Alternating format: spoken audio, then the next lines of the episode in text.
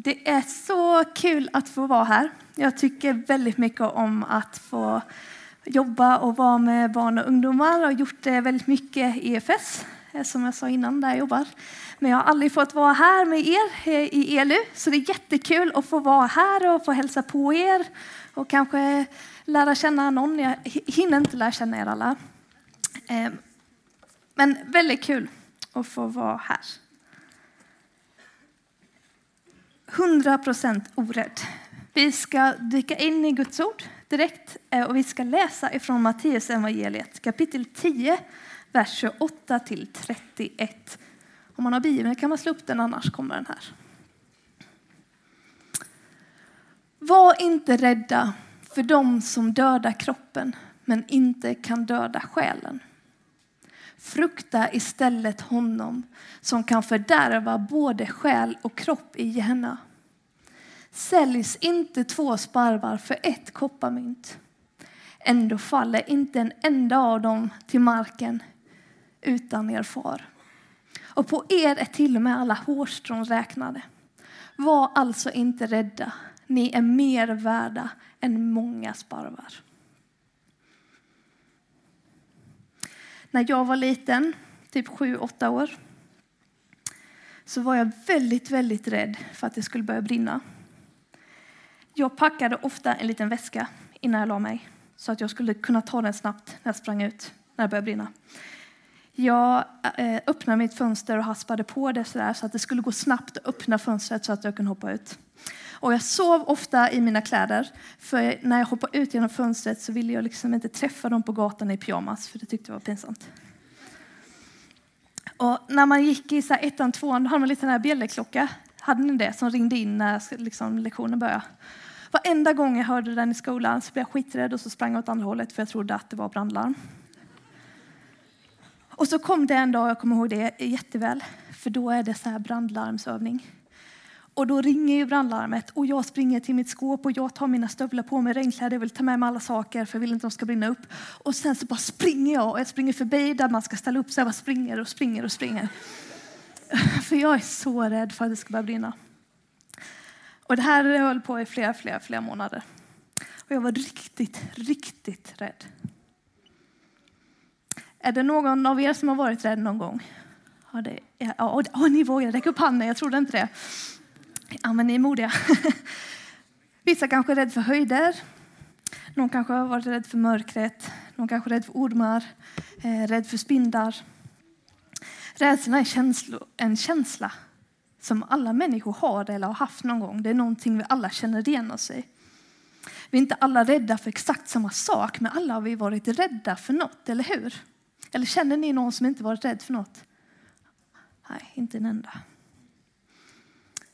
Hur många skulle då säga att rädsla är någonting som är negativt? Någonting som är dåligt? Ja, det är några, några som tycker det.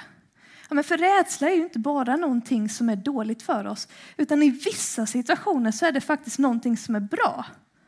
Alltså när, när man står här och huset brinner och börjar brinna här, då så vår instinkt säger jag blir rädd, jag måste springa och fly. Adrenalinet börjar pumpa så att man flyr iväg. Eller om man står på en hög höjd och så har man en rädsla för höjden eller man har en respekt för höjden. Då tänker man ju, ah, okej, okay, jag ska inte gå så nära. Och då räddar rädslan oss från att falla ner och dö. Eller hur? Så rädsla är inte bara något negativt, utan det är en instinkt, en självbevarelsedrift som har lagts ner i människan. Det kan vara eh, någonting som faktiskt räddar våra liv. Och ändå så pratar Gud så många gånger i Bibeln om att vi inte ska vara rädda. Och det läste vi ju precis. Var inte rädd. Man brukar säga att det står 365 gånger i Bibeln att man inte ska vara rädd. Så att man kan ha det, tänka på det en gång varje dag året runt. Liksom. Men det står många fler gånger. Det står kanske runt 400 gånger. Så man kan, ibland behöver man höra det två gånger. Och detta kan ju då verka vara idiotiskt. För varför skulle Gud skapa människan med en instinkt att vara rädd? Och, och sedan tvinga människan att inte få följa sin instinkt och att inte vara rädd. Det är ganska elakt. Jag tycker det är lite som så här psykisk tortyr. Att tvinga någon att vara någonting, eller att inte vara något som man egentligen är. Och eftersom det är Gud som har skapat oss med den instinkten så tänker jag, men varför Gud, varför skapar du mig så att jag känner rädsla om du inte vill att jag ska känna rädsla? Så det här går ju inte riktigt ihop och jag tror inte att Gud är en torterare. Heter det så? Jag vet inte. Så hur lägger det till då? Jo, när Bibeln talar om rädsla och att vi som människor inte ska vara rädda så talar den kanske inte direkt om den här rädslan om att jag får en instinkt att fly när det börjar brinna eller när någon jagar mig och vill mörda mig, att jag då vill springa. Det är inte den rädslan som Gud pratar om eller som Jesus pratar om.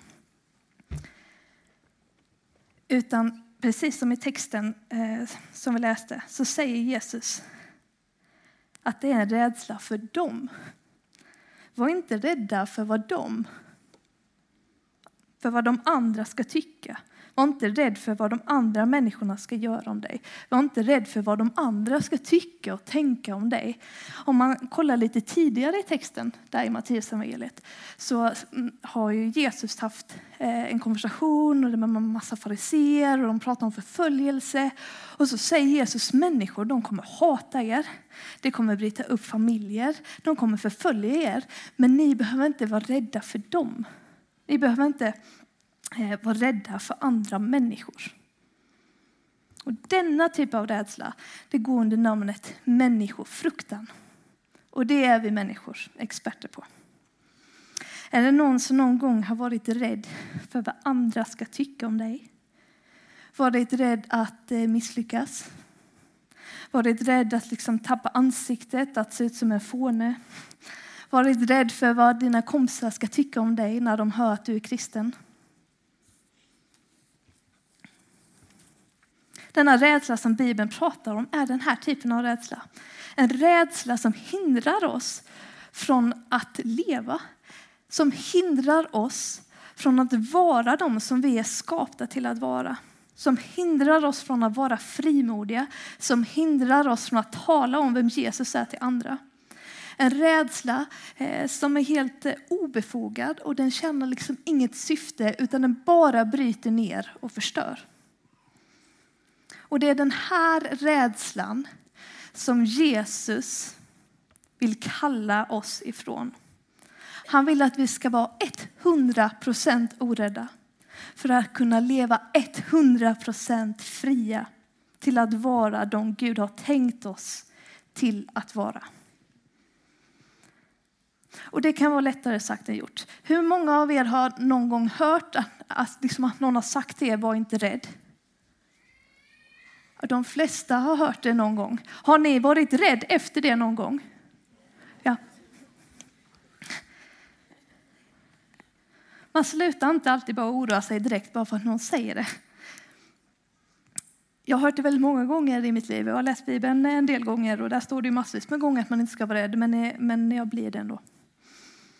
Så hur botar man då sin rädsla? Hur blir man orädd till 100 procent? Jo, om man läser Wikipedia, ni vet kunskapens källa Wikipedia, dens definition av rädsla så säger den att rädsla aktiveras då man möter en överlägsen fiende. Alltså när jag inser att jag är i underläge, då kickar rädslan igång. Och det är precis det som Jesus också säger i texten som vi läste. När man på riktigt inser att det jag är rädd för inte är överlägsen mig, då kommer också rädslan försvinna. Jesus säger ju, var inte rädd för dem som bara kan döda din kropp. För vi behöver ju inte vara rädda för det längre. Jesus har ju övervunnit döden på korset. Han har eh, utplånat, utplånat döden, han har utplånat eh, eh, all rädsla. Så vi behöver inte längre få vara rädda för det som kan döda kroppen. För vi har ju vunnit evigt liv i Kristus Jesus. Han har ju besegrat det. Han har besegrat döden och är alltså herre över den. Och vi som tillhör honom, vi får vara med på den vinnande sidan. Och då säger Jesus, så var inte rädda för de som ska döda kroppen, utan var rädd för den, säger Jesus, som kan förgöra din själ. Det finns någonting som är värre. Det finns någonting som är något som är mer överlägsen än den kroppsliga döden.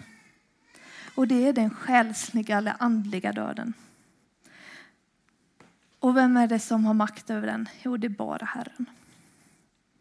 Alltså, du behöver inte frukta vad andra människor vad de tycker och vad de tänker om dig eller vad de kan göra med dig. För genom Jesu död på korset har han till 100 procent övervunnit den.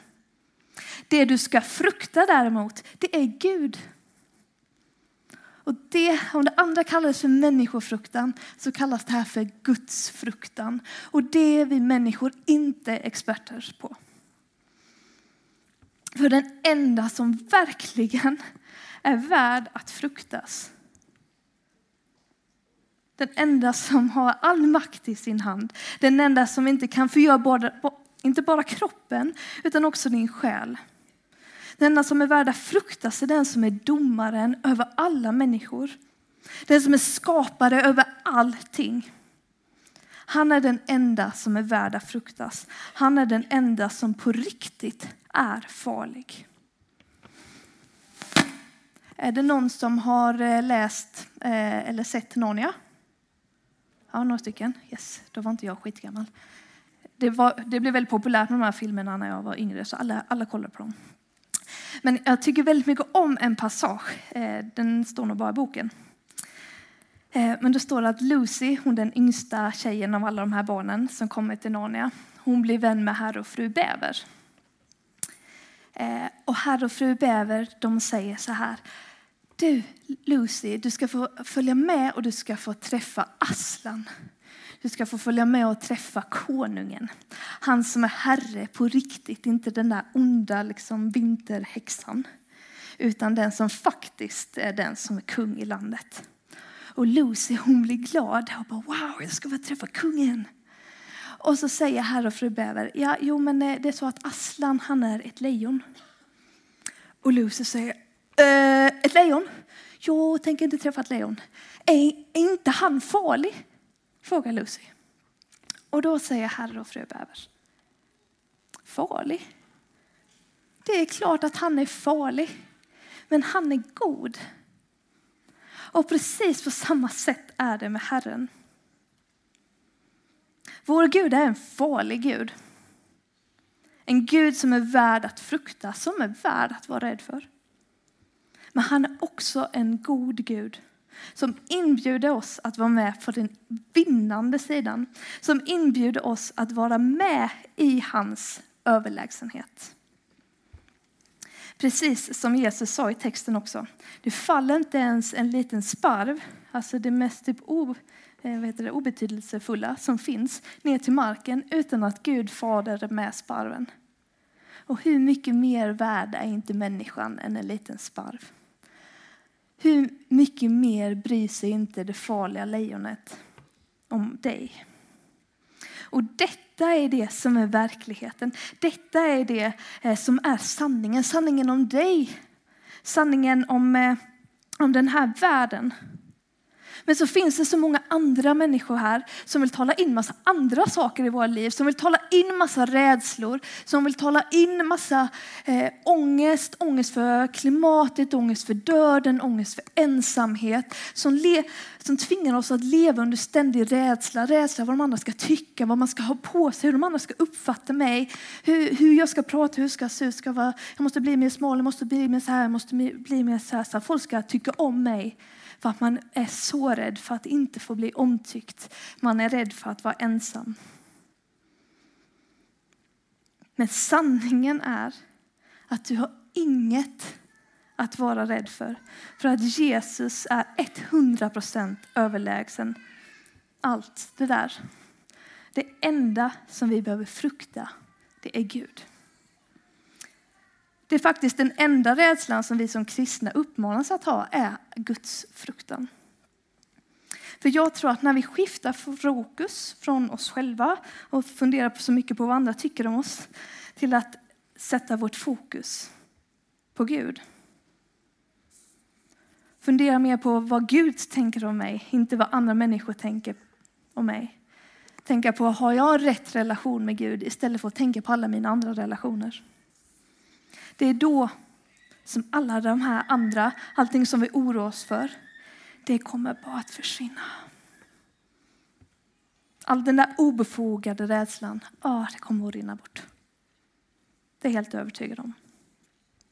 Och jag vill därför ta en stund till att prata om vad är gudsfruktan? Vad innebär det att skifta fokus eh, från människofruktan till gudsfruktan?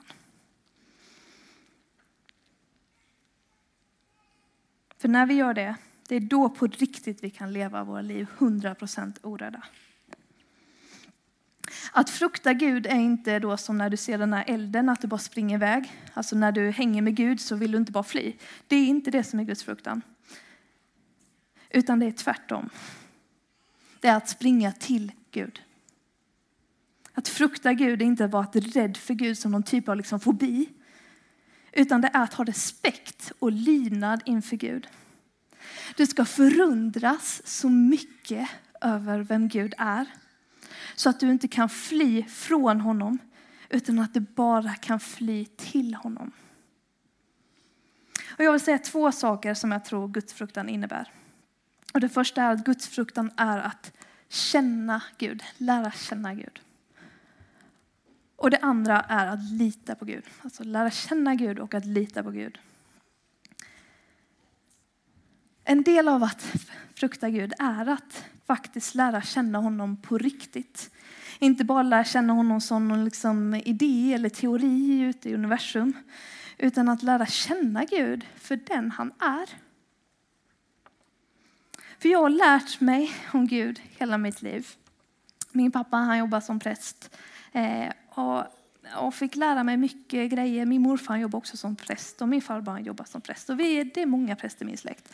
Och det var mycket prat om den här Gud. Och jag kunde mycket. Och jag brukade följa med min pappa på konfläger. Och när jag var sju, åtta år, då när jag var rädd för elden och det.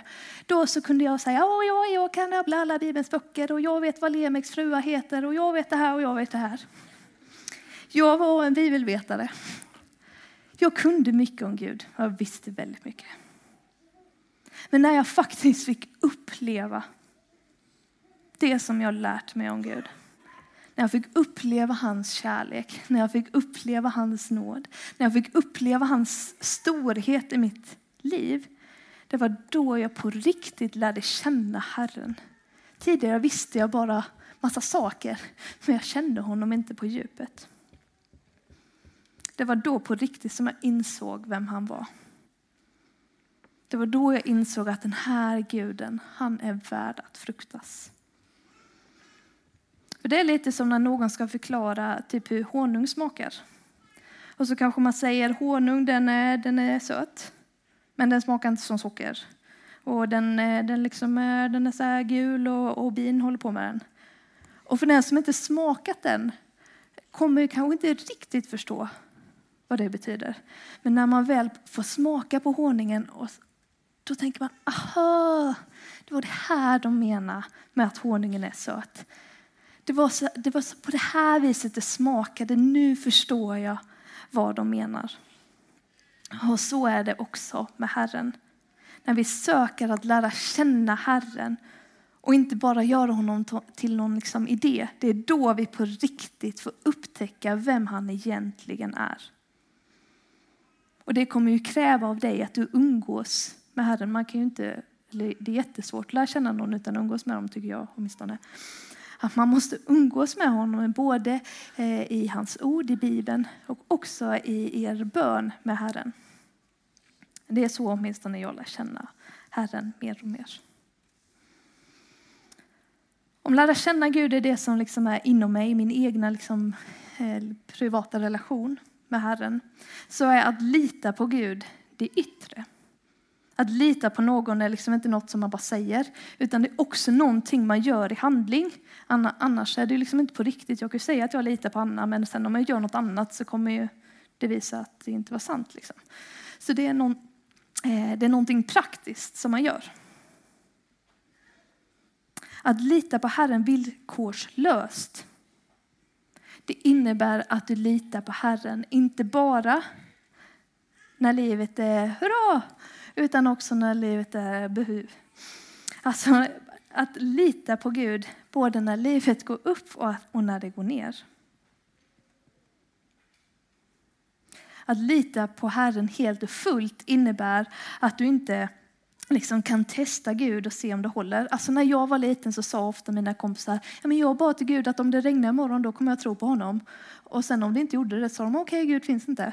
Alltså det är inte att lita på Gud. Man kan inte testa Gud och se om det håller. Man kan inte säga om Gud ger mig allt det jag vill ha. Eh, ja, men jag ber till Gud om, eller jag följer Gud om, eller jag litar på Gud om. Om det finns något om i ditt liv gällande Gud så har du inte längre din tillit hos Gud, så litar du inte längre på Gud.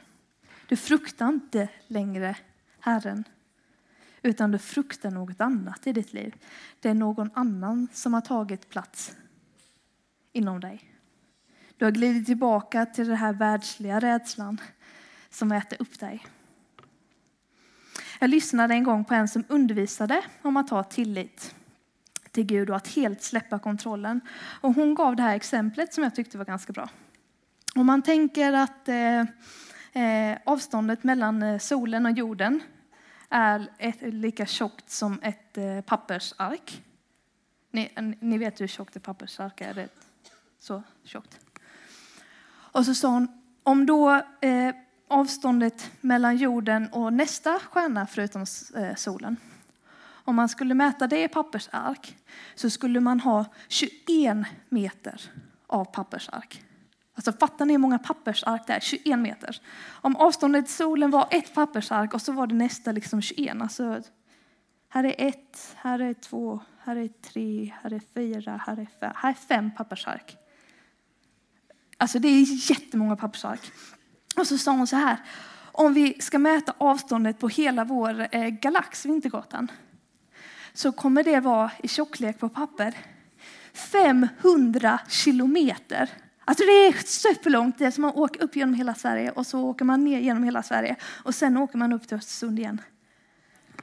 Tänk om hela Sverige bara upp och ner och upp hade varit pappersark. Alltså så gigantiskt är galaxen. Och så sa hon, om vi då skulle jämföra vår galax eh, med resten av universum som vi liksom har sett eller kan uppfatta, så skulle det bara vara ett litet, litet dammkorn. Och den guden som vi tillhör, han upprätthåller hela det här helt gigantiska universum med bara sitt ord.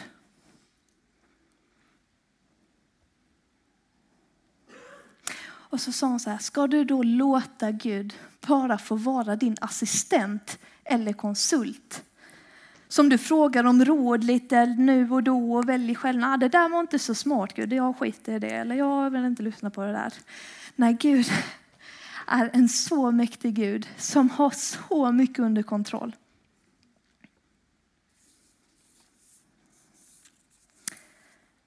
När Abraham skulle bli utvald till liksom fadern för förbundet så ville Gud testa honom och se, går Abraham verkligen att lita på?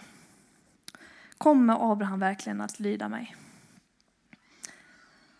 Och så sa Gud till Abraham, du ska ta din enda son. Abraham hade egentligen två söner, men den ena gick ut i öknen. Så det var Isak som var kvar. Och då sa Gud, ta Isak din son och så går ni upp på Moriaberg och sen så ska du offra honom till mig. Och Abraham, han är så sjukt trofast. Jo, jag, jag är inte säker om jag själv skulle lyckas med det. Jag hade inte ens velat offra er som jag inte känner. Liksom.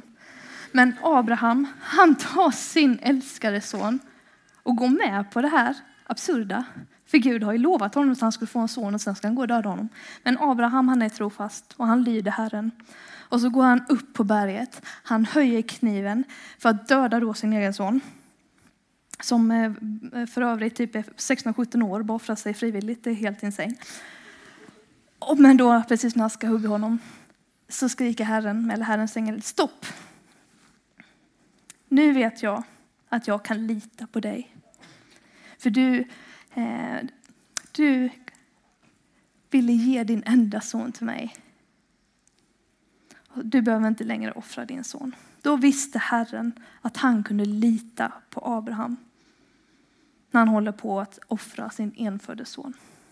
Och vi, vi får titta på ett annat berg. Vi får titta på Golgata berg och se att nu vet vi, nu vet vi för vad Jesus gjorde på korset, att Gud älskar oss. Nu vet vi att vi kan lita på Gud. För Gud offrade sin enda son för vår skull, så nu vet vi att Gud kan gå att lita på också.